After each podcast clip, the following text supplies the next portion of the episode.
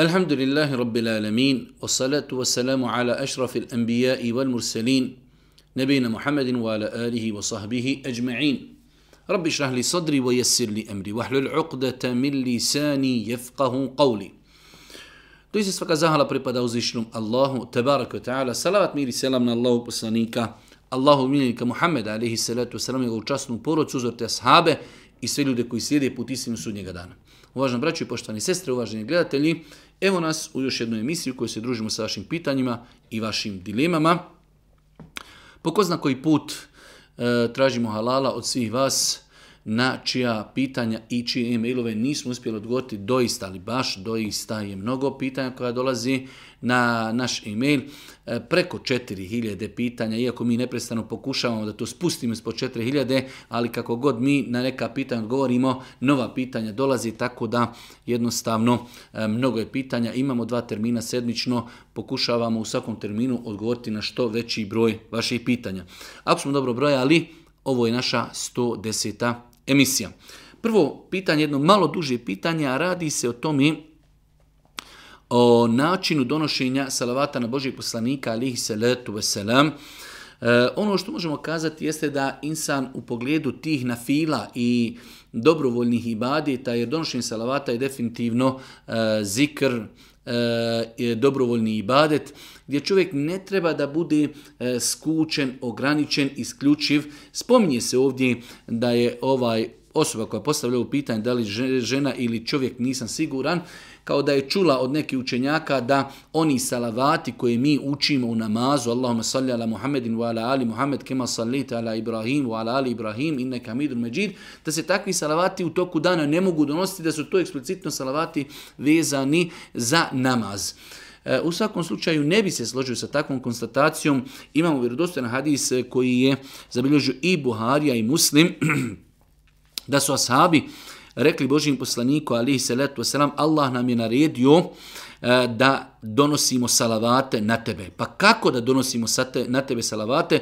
Pa im je Allah poslanik rekao Kulu Allahuma salli ala Muhammedin wa ala ali Muhammed kema salite ala Ibrahim i tako dalje. Znači, jasno sahabi kažu Allahu poslanići, Allah nam je naredio da donosimo na tebe salavate. Poduči nas kako da donosimo na tebe salavate, pa kaže Boži poslanik, recite Allahuma salli ala Muhammedin wa ala ali Muhammed kema salite ala Ibrahim wa ala ali Ibrahim i neka midru međir i tako dalje. Tako da, e, čovjek čovjek koji hoće da više salavata u toku dana donese, dovoljno da kaže Allahumma salli wa sallim ala Muhammedin wa ala ali Muhammed. To je ako Bog da više nego dovoljno Allahumma salli wa sallim. Znači, Allahumma salli wa sallim ala Muhammedin wa ala ali Muhammed. To je nešto minimalno što bi čovjek trebao da kaže kada donosi salavate na Božijeg poslanika, a ako bi i pridodao onu dužu verziju da čovjek uči one salavate koje učimo i na namazu, ako Bog da, veoma je teško kazati da je to neispravno i duboko se nadamo da će čovjek za to biti dodatno nagrađen, pošto je to duža verzija donošenja salavata na Božijeg poslanika, ali i salatu wasalam. Čula sam da je post Čajluka ili u Čajluka Novotarija i tako dalje. U svakom slučaju pitanje e, šta su u Čajluci? U Čajluci to je zajednička imenica za tri šerijetska mjeseca Ređep, Šaban i e, Ramazan. Znači imamo mjesece, ide Ređep, pa Šaban i nakon toga dolazi Ramazan. To su ta tri mjeseca, pa eto, neko je tim mjesecima e, dao zajedničko ime u Čajluci. E, u islamu ne postoji takav termin koji ova tri mjeseca ujedinjuje u jednu cijelinu i daje poseban propis. S tog aspekta možemo slobno kazati e, da bilo kakvo e, ibadet činje, neki ibadet za koji kažemo ovo je poseban ibaduk za, ibadet za učajluke, ne postoji. Zato što su ovo mjeseci, to je njihov raspored, ono što je u njima dozvoljeno raditi e, zbog općih dokaza, postiti ponedjeljkom, postiti četvrtkom, postiti bijele dane, e, povećati na filu posta, sve to u redu, ali smatrati da postoje posebni badeti vezani za ova tri mjeseca, to ne postoji. Znači, veoma je bitno e, da razumijemo e, odgovor. Kada kažemo u čajluci time se smatraju tri mjeseca, Rađep, Šaban i Ramazan postoji li poseban ibadet koji se vezuje samo za ova tri mjeseca? Ne postoji. Ali je li novotarija postoji u mjesecima? Nije. Znači čovjek može u ovim mjesecima postiti kao i u mjesecima drugim. Da čovjek postoji ponedjeljak, četvrtak, da postoji e, i drugi dan, da postoji post Davuda i Seratusan, da postoji bijeli dane. Sve je to u redu. Ali ne postoje posebni ibadete da kažemo, e ovo se samo radi u čajlucima. Radi su a tri mjeseca, mimo toga se ne radi takav ibadet ne postoji.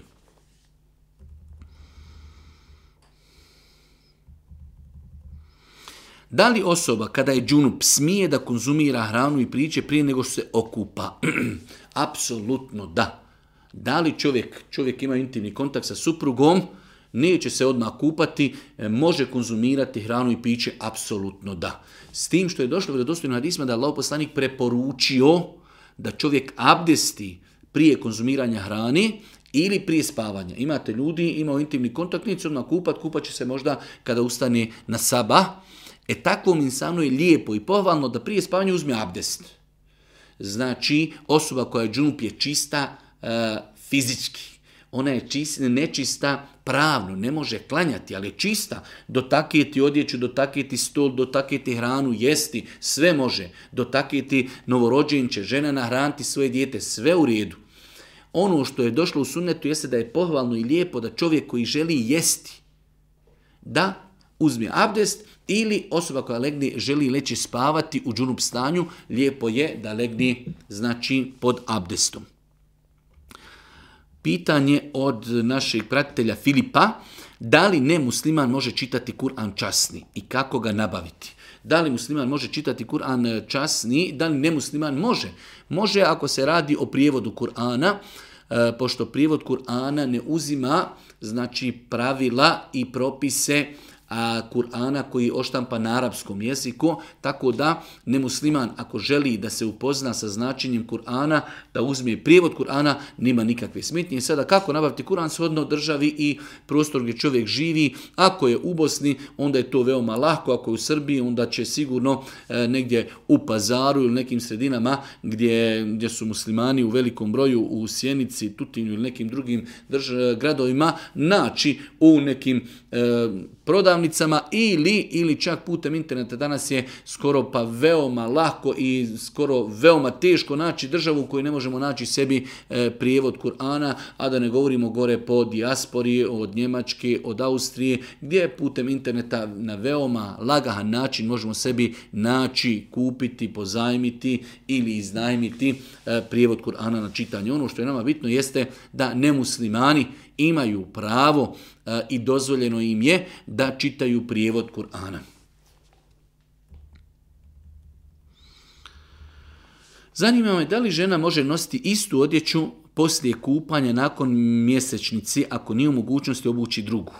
Apsolutno da. Znači imate nekada situacije, žena je na putu, jednostavno nema rezervne odjeće, a prestalo je krvarenje mjesečnice, e, ima mogućnost u hotelu ili kod rodbine ili negdje da se okupa. Da li može obući istu odjeću u kojoj je bila u toku mjesečnice? Apsolutno da. Samo treba paziti da vidi da li na toj odjeći ima tragova krvi. Ako ima tragova krvi, tu krv je obavezno oprati, ali odjeća kod odjeća, to što je ona bila e, u toj odjeći u periodu mjesečnice, mjesečnice i ništa ne znači, ali je bitno prekontrolisati odjeću da se vidi samo da li na toj odjeći ima krvi. Ako ima krvi, obaveza je oprati dio na kojem ima krv.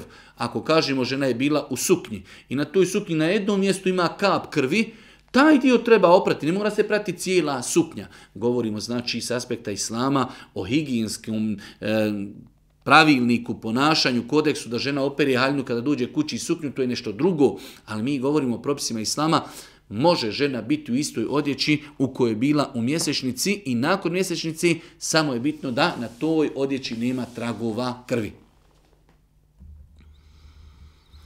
Da li možemo da učimo su, suru, nije to sura, to je, do, to je dova, rabbena gfirli vali valideje vali mu'minine, umjesto fatihi, prilikom posjete mezarlucima.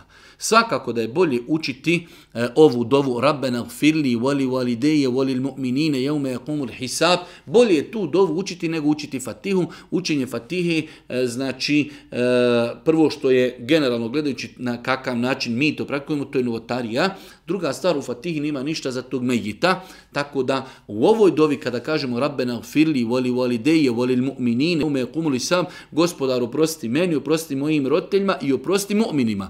Tako da to obuhvata ako Bog da i mu'mine i koji su živi i koji su mrtvi, tako da e, iako čovjek e, ne treba da se spušta na tako nizak level. E, dova koja se uči prilikom posjeti e, kaburovima je jedna rečenica, a nakon toga svojim riječima okrenu se prema kibli i dovimo Allahu Đelšanu da oprosti tim ljudima koji se nalaze u tim mezarlucima, da im oprosti grijehe, da im se smiluje, da im podari džennet, da im proširi njihov kabur, da im osvjetli njihove kabure, da im kabure učini džennetskim baštama. Sve to možemo kazati na bosanskom jeziku. Yeah.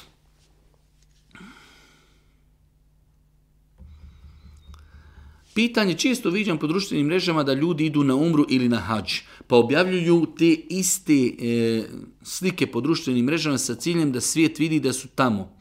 Da li je njihov ibadet ispravan ako postavljaju te slike i tako dalje? Slike pored Kijabe, slike u džami Božih poslanika i tako dalje ne vidim uopšte nikakvu e, vezu između toga da li je naša umra validna sa time da je neko objavio sliku e, da se trenutno nalazi u džami Božih poslanika ili sliku pored Keabi. E, ne vidim uopšte čak sporno ništa da čovjek objavi sliku da se nalazi, nalazi trenutno u džami Božih poslanika, usrkao se pred džamiju ili usrkao se pored kjabi. Jednostavno, po meni je to uh, onaj ajed gdje Allah Đelšanu kaže fe emma bi ni'meti rabbike fe hadith o Allahovim blagodatima govorite. Doista je jedna od najvećih blagodati to da čovjek ode u Meku i Medinu. Svakako se čovjek neće slikati u toku ibadeta. To je nešto drugo. Čovjek klanja i kaže neko, e, deme sad usrkaj dok sam u namazu, ili čovjek tavafi, ili čovjek, znači, kod kjabi dovi i nekoga slika. Ne treba čovjek da snima svoje ibadete, ali samo sam se uslikao pored Kjabe, stojim, ja nisam u ibadetu, to želim, želim svojim prijateljima, poznanicima, komšijama, prijateljima, kažem, evo me kod Kjabe, ovdje dovim za vas, uh, ja se lijepo osjećam kada mi neko kaže evo me kod Keabe, dovim za tebe i drago mi da je neko otišao, drago mi da vidim da je moj neki prijatelj, poznani komšija otišao dole. Drago mi kada ga vidim kod Keabe, tako da ne vidim doista ništa sporno šerijatski, da se čovjek uslika u džami Božih poslanika pred džamijom, da se uslika pored Keabe ili pored Harema u Mekki, ali svakako da se ne slika u ibadetima slikanju i baditma je nešto drugo, ali govorimo samo o slici gdje čovjek se uslika pored kjabi, uslika se u džami Božeg poslanika, po meni je to samo govor o Allahovim blagodatima, govor putem slike, Allah me je počastio, olakšao, evo me kod džamije Božijeg poslanika, čita život maštam da dođem, Allah mi je olakšao, hvala Allahu, molim Allaha za vas koji niste došli da vam olakša da dođete ovdje, po mene to, uh, znači ne vidim ništa apsolutno sporno u tomi. Možete nam objasniti šta znači kada neko kaže on je musliman od 92.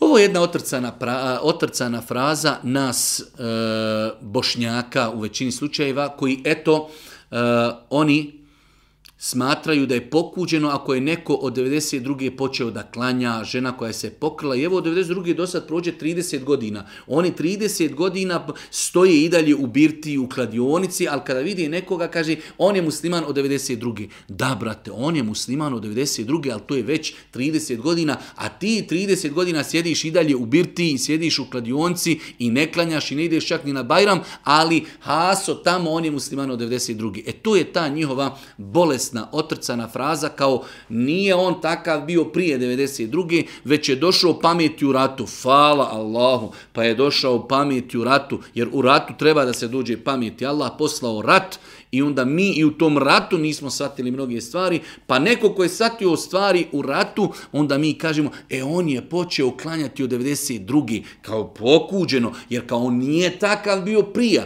On je se pokajao u 92. ili žena je počela nositi mahram u 92.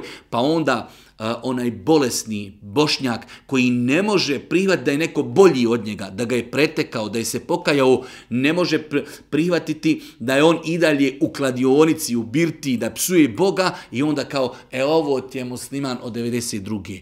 E to su te njihove bolesni e, poštapalice i fraze, a eto Boga mi od 1992. do sad e, 2022. prođe 30 godina, a oni i dalje se naginju, ne vidi da ih šetan već 30 godina šamara sjediti tu u birti, ali kad Haso naiđe u džamiju, kaže, on je od 1992. musliman. Eto, to je, to je, kaže, ovdje je bilo, možete nam objasniti šta znači kad neko kaže, e to znači. Znači, u pokuđenom smislu spomenuti nekoga kao on nije prije rata bio takav, on je od rata takav. Eto to znači.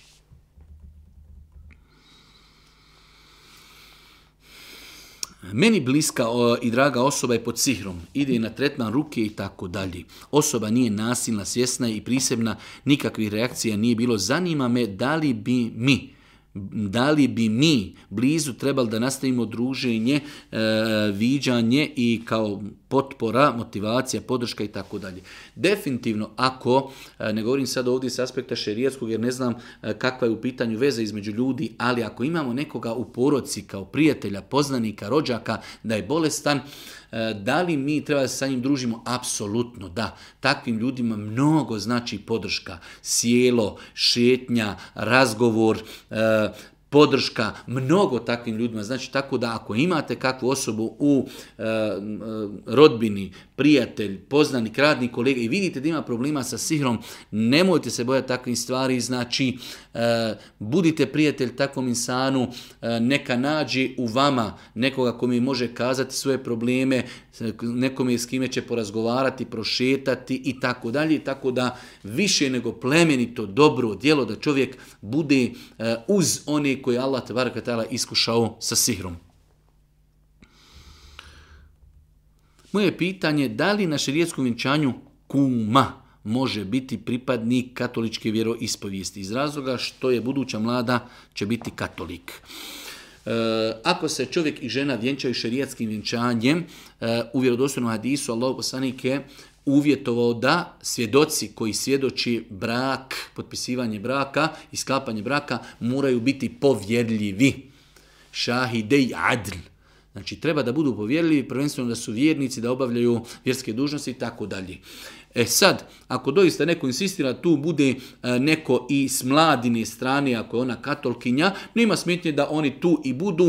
E, bitno je da e, činu vjenčanja prisustuje više povjerljivih osoba ko, ko musliman. Da li ćemo mi njih zavesti? da kažemo e, formalno, e ovo je svjedok, ovo je, svi oni koji su tu bili, svi su oni svjedoci. Tako da ono što je bitno jeste da moramo e, da činu vjenčanja pristupu dvije povjerljive osobe koji se smatraju kao svjedoci s aspekta islamskog, islamskog sklapanja braka. Da li će se još neko pozvati i kazati, e, ovaj će biti svjedok isto tako sa mladnije strani, to ako Bog da nije problematično, ali nama bitno da se ispune uvjeti koje islam postavio da bi vjenčanje bilo validno. Da li je šah zabranjen? Čuo sam od nekih učenjaka da je šah halal, a neki kažu da je haram. U osnovi šah sam po sebi nema razloga da bi bio zabranjen sam po sebi. Igranje, igranje šaha, zašto bi bilo zabranjeno? Već oni učenjaci koji su zabranjivali šaha, zabranjivali su zbog posljedica, to je da čovjek igra šaha pa propusti namaz, ili igra šaha e, i kladi se, igra u pare, To su stvari zbog koji šah može biti zabranjen, ali šah sam po sebi, čovjek sjedi, igra 15 minuta šaha i ode, ode na namaz, znači samo da to ne bude glavna preokupacija čovjek, da po cijeli dan samo sjedi i igra šaha, znači nima vremena za suprugu, za djecu, nima vremena za rodbinu, za prijatelj, nima za Kur'an, samo šah, to je problem. Ili da zbog šaha propušta namaz, ili da zbog šaha propušta obavezu prema supruzi, djeci i tako dalje, to je problem. Problem ali čovjek eh, igra šaha nako rekreativno u toku dana pola sata, sat vremena, nema razloga zbog kojeg bi mogli kazati da je šah zabranjen.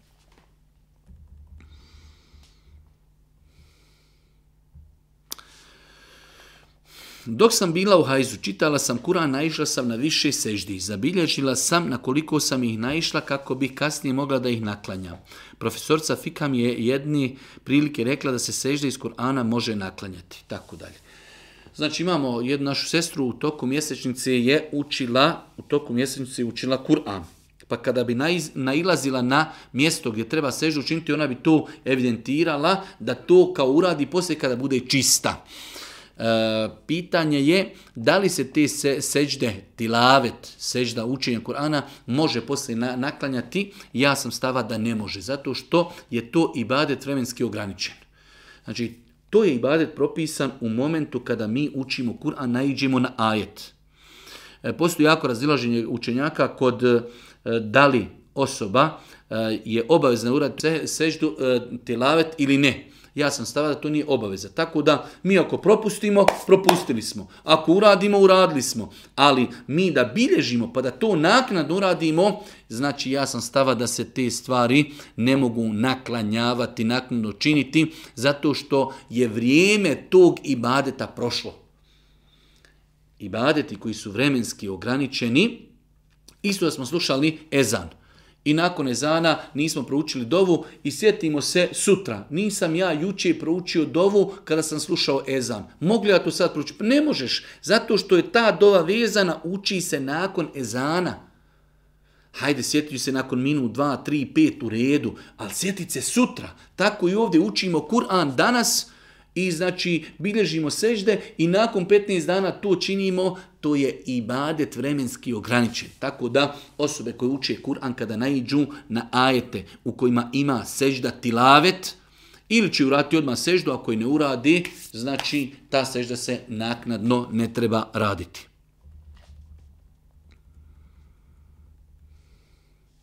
Da li je dozvoljno dati sadaku za džamiju gdje plaćaju režije ili za, neku, za neke gradnje, ako se zna da unutar džamije čini novotarije, zajednički zikr, mevludi, tako dalje.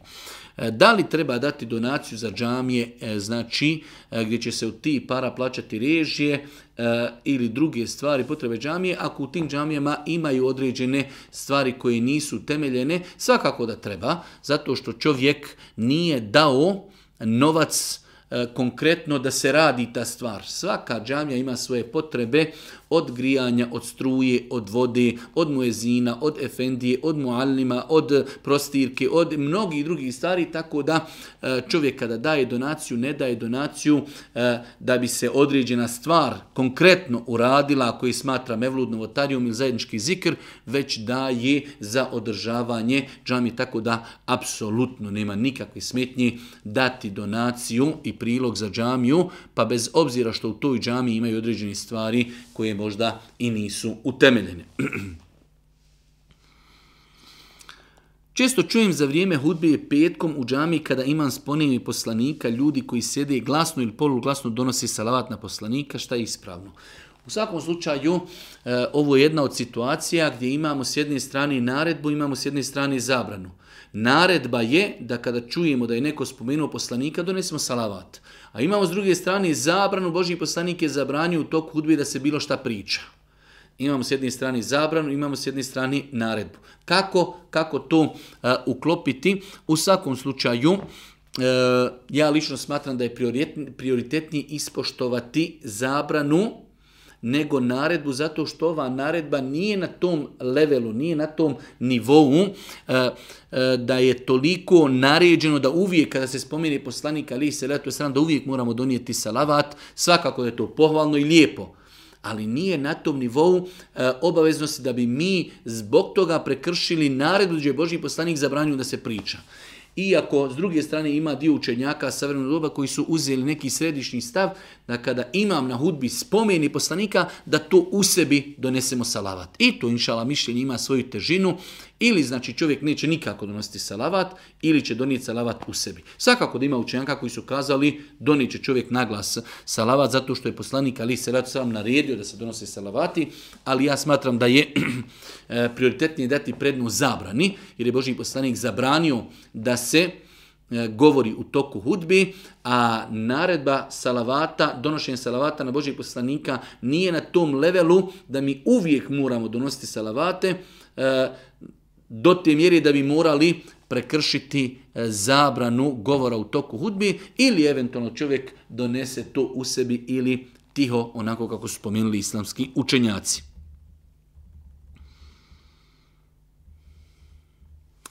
Jedno pitanje na koje ja neću dati konkretan odgovor, ali to čisto samo uh, razmišljanja radi. Znači imamo pitanje kupovine uh, određeni artikala na rate pri, preko, e, kako je došlo ovdje, velik broj e, najvećih prodavnica tehnike nudi kupovnu na rate koja je velikom broju ljudi mnogo lakši i pristupačniji. Problem je samo što većina njih ide preko, preko mikrokreditnih organizacija. Ovdje imamo znači situaciju da čovjek je došao da kupi frižider, taj frižider je 700 maraka i on taj frižider će otplaćivati mikrokreditnoj organizaciji 700 maraka. Frižider je 700 maraka, e, on plaća 700 maraka. E, to pod uvjetom da je bez ikakve kamate. Ako ima bilo kakva kamata, to je u startu zabrajeno. Ali imamo ovdje jedan dodatni problem, a to je svi znamo da bilo koja e, roba u velikom broju današnjih znači poslovanja jeste ako plaćaš u kešu da je 10% jeftinije. Pa te mikrokreditne organizacije tu robu, ako ona 700 maraka, oni plate 650 u kešu i onda ti njima plaćaš 700. Što je što je e, više nego jasno da je kamata. Iako on tebi kaže cena je 700, a, ti ćeš nama dati 700, ali on to nije platio 700, on je to platio 650. Jer sama činjenica, dok mikrokreditna organizacija tu ulazi, je li misli neko da postoji neka mikro, mikrokreditna organizacija koja će kupiti tebi za 700, ona kupila za 700 i tebi zati za 700. Ma to je apsolutno nemoguća misija.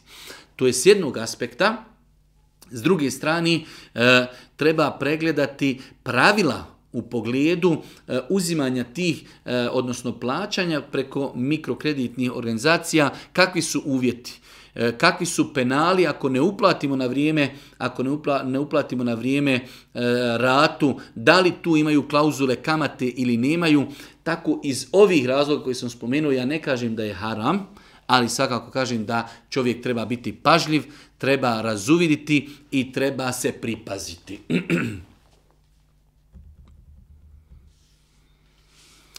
Kako je pravilo vjeri vezano za napaštanje cijelog Ramazana, tačnije, prošli Ramazan sam bila trudna. Sada dojim bebu i nisam stigla napostiti još uvijek šta i kako do Ramazana da radim. Znači, žene koje nisu još napostile, do Ramazana imamo više od mjesec vremena, trebaju se potruti da što veći broj dana naposti, ako mogu da naposti sve dane dobro jest.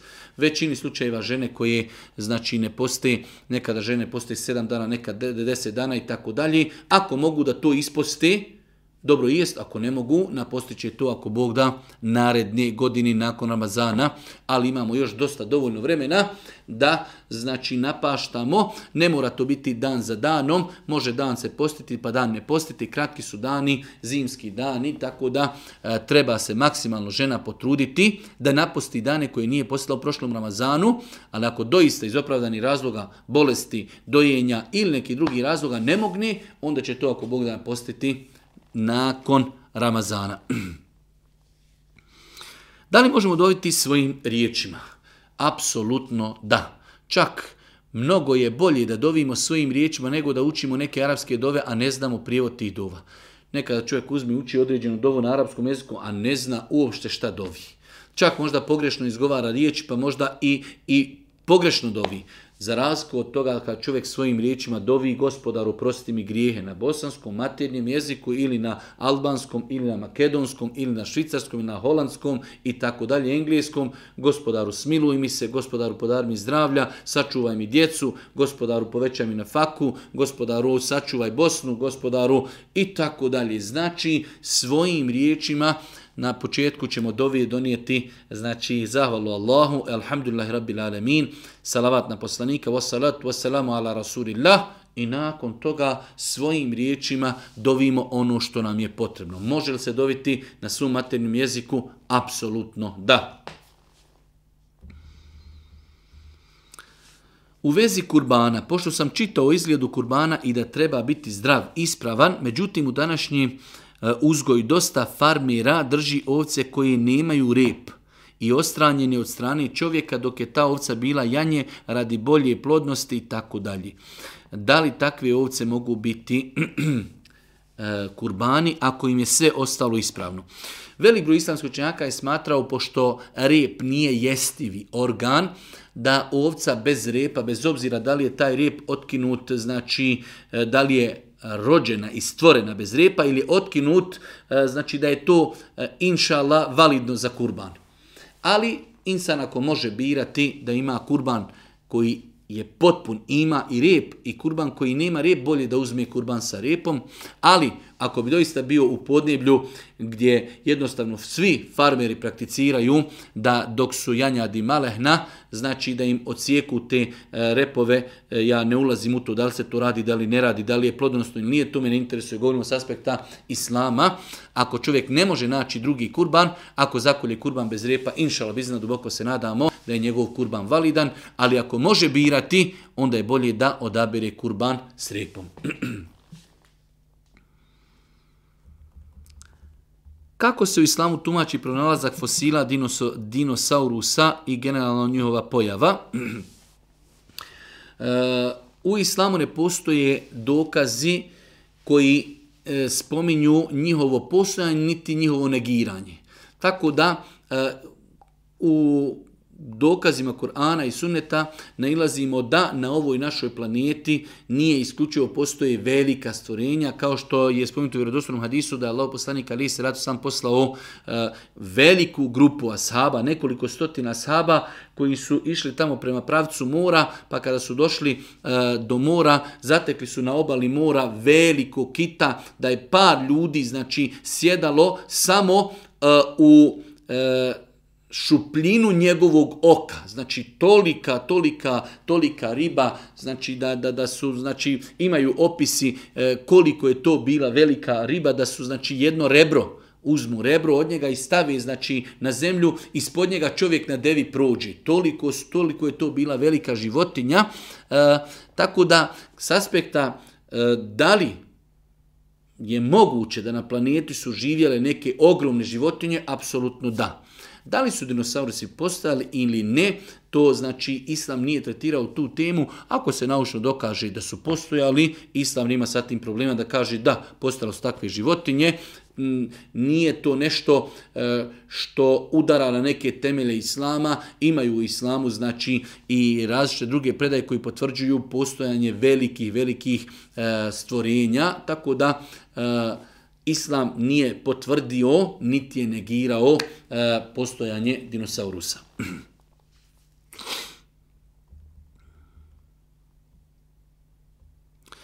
U skorije vrijeme sam napravila TikTok profil na kojim dijelim islamske videe isječke naših hafiza, majki i sestara. U nadi da se drugi okoriste, muči me što dijelim to, pošto su to ipak žene.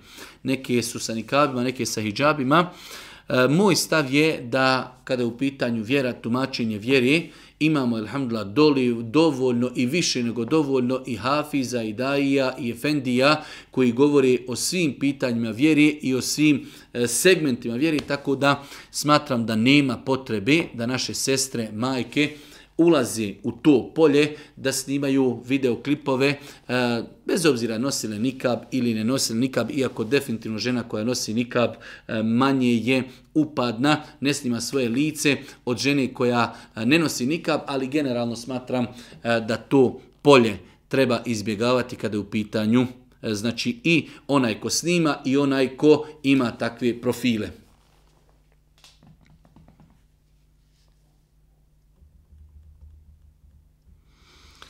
Kada smo učili na času sociologije, učili smo religijama, kada smo učili o islamu, nastavnica je sunizam i šizam srstala kao dvije glavne grane islama. Možete li mi pojasniti da li je to tako?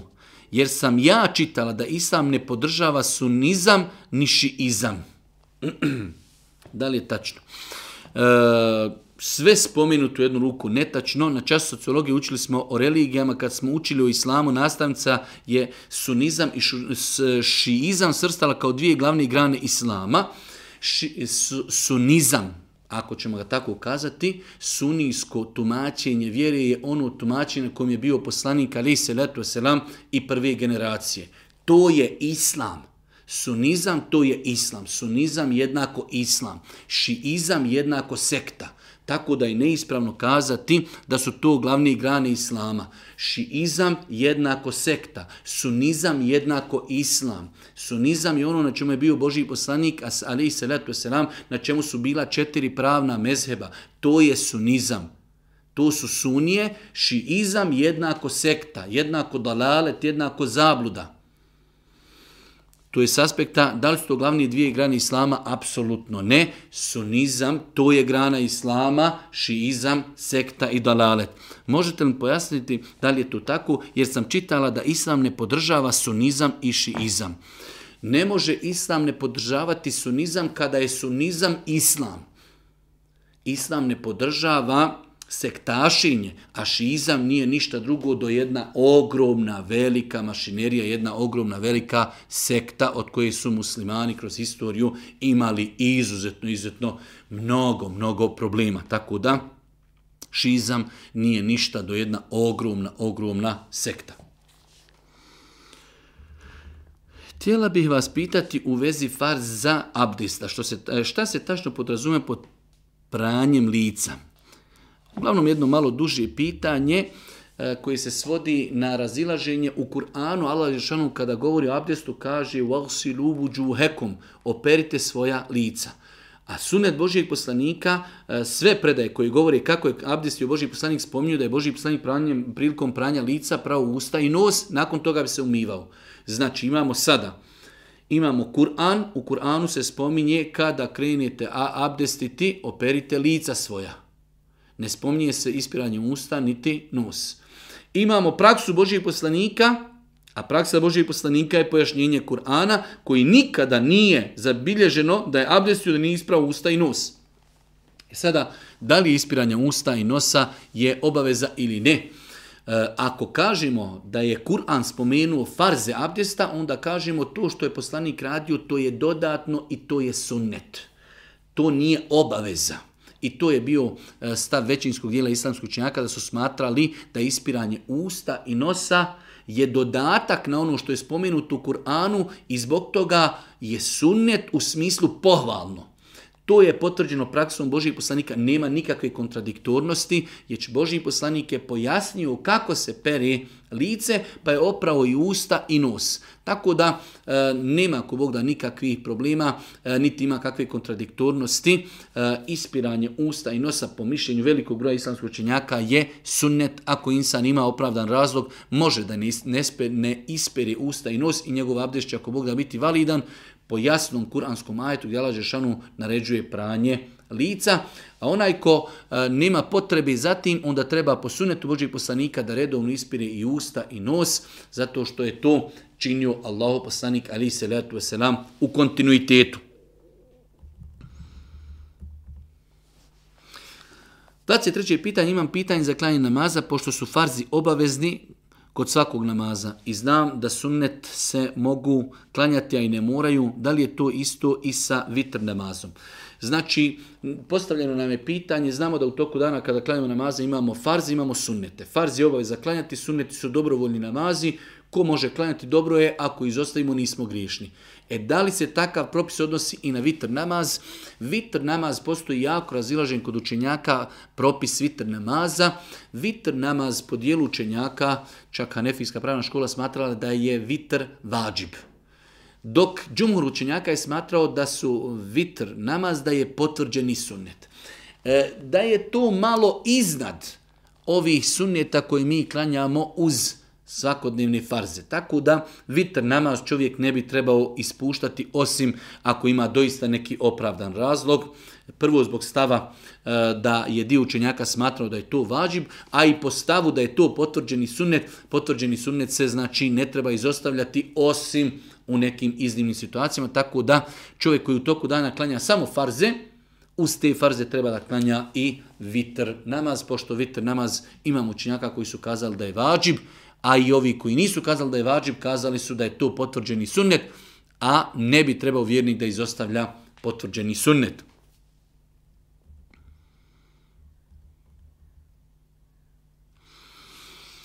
Mi smo jedan mladi bračni par iz Makedonije, u svakom slučaju imamo trudnoću, dijete je napunilo već više od 120 dana, ali primijetne su putem istraživanja kao mnoge anomalije na bebi da li je dozvoljeno učiniti abortus. E, beba ako je sigurno napunila 120 dana i više nakon toga ne postoji opcija abortusa.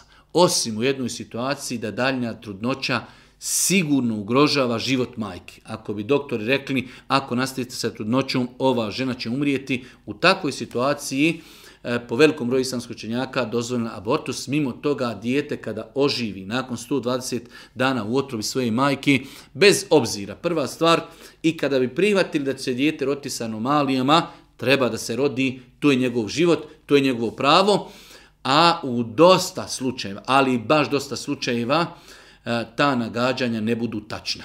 U dosta slučaja čovjek treba da se oslane na Allaha, da dovi Allah, da mu podari čestet i hajili porod, I znači da pusti da se to dijete rodi, znači abortus nakon 120 dana prema konsenzusu učenjaka je ravan ubistvu. Odnosno, ne ravan ubistvu, to je ubistvo. Tako da, e, nakon 120 dana, bez obzira što istraživanja i nalazi kažu da dijete ima određene anomalije, treba to dijete da se rodi.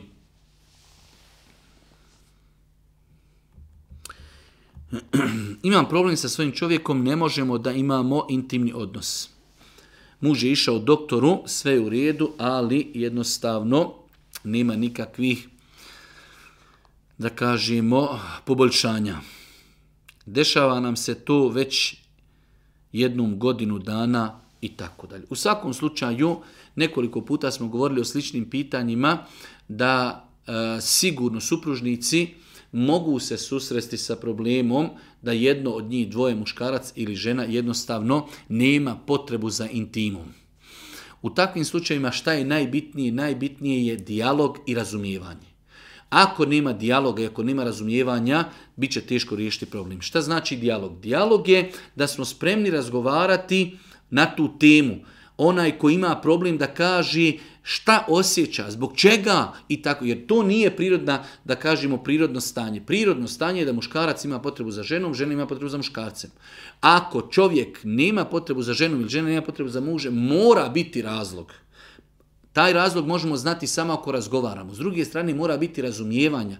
Razumijevanja od strane drugog supružnika u rijedu, znači imaš problem, kaže nam u čemu se radi, razumijemo te, hajde da se liječimo. Liječenje može biti medicinsko, znači nije nikakva sramota da se ode kod liječnika i da mu se kaže imamo taj taj problem, A s druge strane, može se veoma lahko desiti da isto tako problem, e, znači, e, nepostojanje želje i potrebe za intimom može biti povezan sa sihrom, sa urokom i tako dalje, džinsko-šetanskim djelovanjem, gdje se opet rješava rukijom, učenjem zikrova i tako dalje. Tako da u ovakvim slučajima mi savjetujemo samo otvoren razgovor, dijalog, razumijevanje, liječenje medicinsko i liječenje putem ruke. To je ono što čovjek može učiniti da uradi. Zanima me da li je istina da žena poslije poroda šest sedmica ne smije izlaziti van nakon akšama, ne smije se ogledati, ne smije ispraćati goste, nego se samo okrenuti. I još na to joj stavi konac oko vrata, hamajlju. Kod nas to praktikuju starije žene koje to prenose na mladi. Ništa od spomenutog nije ispravno, s tim što ova četvrta stvar je katastrofalna vješanje Hamailija, je haram strogo zabran. Znači, da li je istina da žena šest sedmica ne smije izlaziti vani nakon akšama? Nije tačno. Žena dan kad se porodi, ako je zdrava fiški, odma taj dan smije izaći iz kuće i prije akšama i posle akšama. Znači, to nema nikakve vezi. Žena kad bude fizički sposobna da može izlaziti, od prvog dana nakon poroda može izlaziti.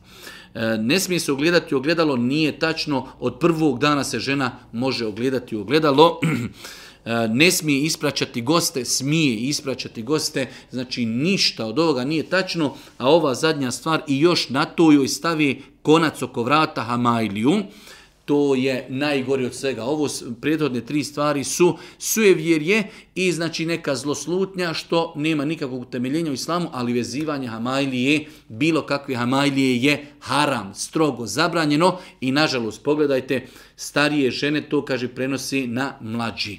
Znači, kamo sreći da te svoje grijehe ostavi i sa sobom ih zakopaju, ne, one taj džahilijet, neznanje, e, znači i neispravnu praksu prenose i na druge ljude. Zato e, mnogo puta govorimo, najveći neprijatelj muslimanima današnjeg doba jeste neznanje.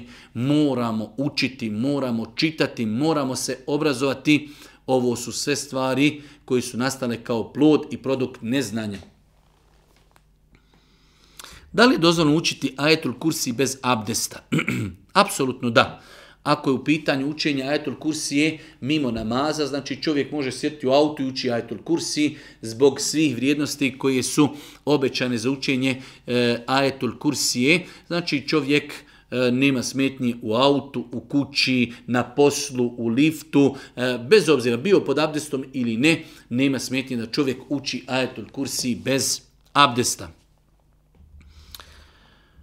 neko ko je vjerovatno zalutao na naš e-mail, izvi, izvinite, možete li nam pomoći da naučimo ili nas upute gdje možemo da naručimo narukvicu Fatimino oko. Hvala vam, ta i ta osoba. Fatimino oko je jedna savremena Hamailija talisman e, koju vjernik musliman nikako ni podrazno ne treba da kupuje, niti da nosi, niti da vješa, pa čak kada bi rekli da to čovjek radi samo zbog fizičke ljepote onog kamena, neispravno je to zato što Uh, u vjerodostojnom hadisu je došlo da je čovjek došao Božijem poslaniku i kaže Allahu poslaniće, ja sam se zavjetovao da ću zaklati uh, devu kurban u tom i tom mjestu. Pa mu kaže Allahu poslanik, a je li u tom mjestu bio neki praznik ili neki kipovi gdje su ljudi iz uh, znači predislamskog doba, mušrici, da su oni tu nekada prinosili žrtve, kaže nije. Kaže Boži poslanik, e onda e, ispuni svoje obećanje i svoj zavjet. Zašto ga je pitao? Ako su oni tu klali, onda ti tu ne trebaš zato što kako će ljudi praviti razliku između njih, mušrika, kada tu prinosi žrtve i tebe koji tu žrtvu prinosiš Allahu. Pa su islamski učenjaci na osnovu ovog hadisa postavili veliko pravilo da čovjek nekada određenu stvar treba da ostavi, makar ona sama po sebi u osnovi bila ispravna, ali zato što neko ko to gleda ne zna da li ti to radiš ispravnim ili neispravnim e, nijetom. Pa kada vidimo mi nekoga primjer radi, ne daj Bože, vidimo daju okačio oko, ko, ko sebi oko vrata Fatimino oko. Da li će neko kazati, ma on to radi samo zato što to je ukras? Ukras. Ne, svako će kazati, aha, ako to Efendija i Daija kači, možemo i mi ostali, to je, to čuva insana i tako dalje. Tako da, kada su u pitanju ti ukrasi Fatimino oko, gdje velika većina ljudi to kupuje iz uvjerenja da je to amulet, da je to talisman, da je to hamajlija, da je to e, nešto što čovjeka čuva, makar to čovjek uzimao sa drugim namjerom i nije to, ne treba to čovjek vjernik raditi. 29. pitanje. Danima gledam, čitam, slušam kako majke u današnje vrijeme nakon što se porode jedu postelicu koja dolazi nakon što se beba, nakon što beba se rodi. Placentofagija. Placentofagija. Da li je ženi vjernici dozvoljeno da nakon poroda jede svoju posteljicu? I evo imamo poseban termin koji se dao za takvu pojavu placentofagija, haram je čovjeku muslimanu da jede bilo koji dio svoga tijela. Da ne govorimo o drugom momentu dok je čovečanstvo otišlo, ovo je iz, izforsirano od par velikih svjetskih E, poznati ličnosti koji su počele e, oponašati životinje, jer je to praksa određenih životinja, pa je počeo insan da oponaša životinje, ali pošto su to e, žene velike autoriteti na svjetskoj sceni, onda je to preraslo u jedan izuzetno katastrofalno ružan trend da žene su kao uvjerene da je korisno jesti svoju postelicu za veliku većinu žena na planeti, to je gnusno, ali prije toga nego što je gnusno, to je strogo zabranjeno šerijatom islamom. Islamski učenjaci već podavno su dali fetve eh, u kojima su jasno zabranili ovakve postupke.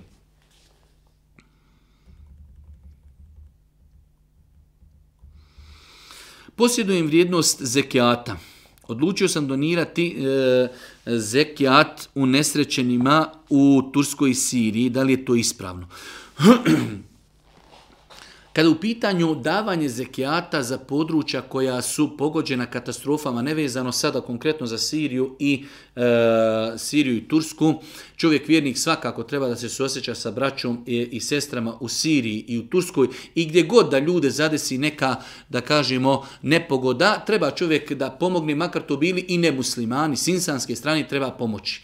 Ono što je sada ovdje bitno, može li se u takvim slučajima davati zekijat da se pomognu nastradali u e, Siriji i e, u Turskoj?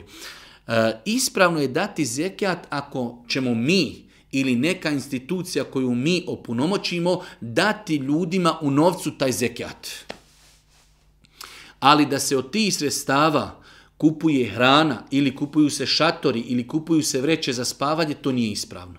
Znači, veoma moramo biti pažljivi, zekijat je jedan od pet temelja islama i u pogledu njega moramo biti pažljivi. Kao što smo pažljivi kada klanjamo, kao što smo pažljivi kada postimo, kao što smo pažljivi kada idemo na hađ, isto tako moramo paziti kako izdajemo svoj zekijat.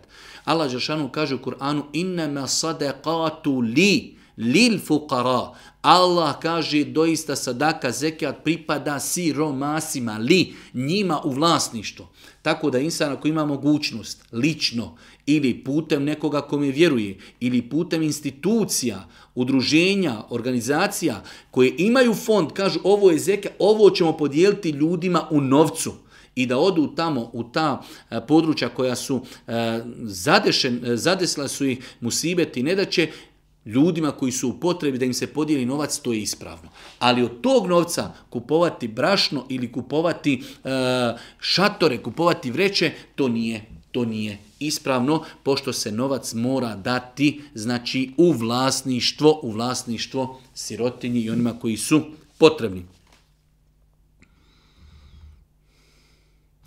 Da li možete pomoći oko jednog pitanja, da li žena ima pravo dijeliti imovinu od muža kada muž preseli na hiret? Pitanje je malo nejasno, da li žena ima pravo dijeliti? Ako se misli da li žena ima pravo na nasljedstvo, apsolutno da. Ima li žena pravo dijeliti imovnu svoga muža? Ima je pravo dijeliti onako kako je šerijat e, precizirao. Znači, e, nažalost, velik broj ljudi kod nas ne zna da je šerijat jasno precizirao u suri En-Nisa, žena kada umri, ima opciju da iza sebe ostavila djecu i da nema djeci. I nakon toga zna se koliko nasljeđuje od ženinog imetka muž ako ima djecu, ako nema djecu.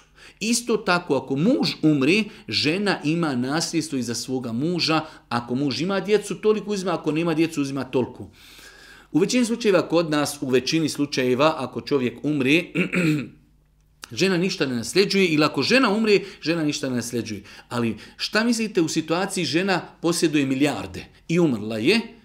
Njen muž ima pravo na njen imetak i obrnuto. Ako muž umre milijardir, njegova djeca imaju pravo na, na njegov imetak, ali njegova supruga islamom ima jasno precizirano koliko nasljeđuje. Tako da čovjek kada umre, žena ima pravo jasno definisano koliko će naslijediti od imetka svoga muža. Ima jasno definisano, tako da da li će žena to uzeti ili neće, da li ima potrebu ili ne, to je nešto drugo.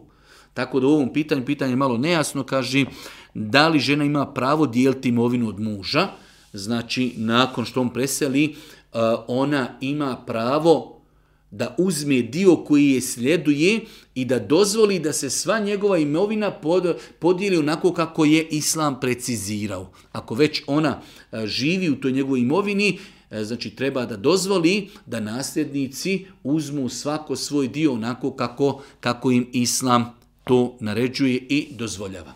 Allah subhanahu wa ta'ala molimo da nam podari korisno znanje, molimo subhanahu wa ta'ala da nam bude milosti na sudnjem danu i na kraju subhanake Allahumma bihamdike, ešhedu en la ilaha illa ente estagfiruke ve etubu ilejk. Oh, oh, oh.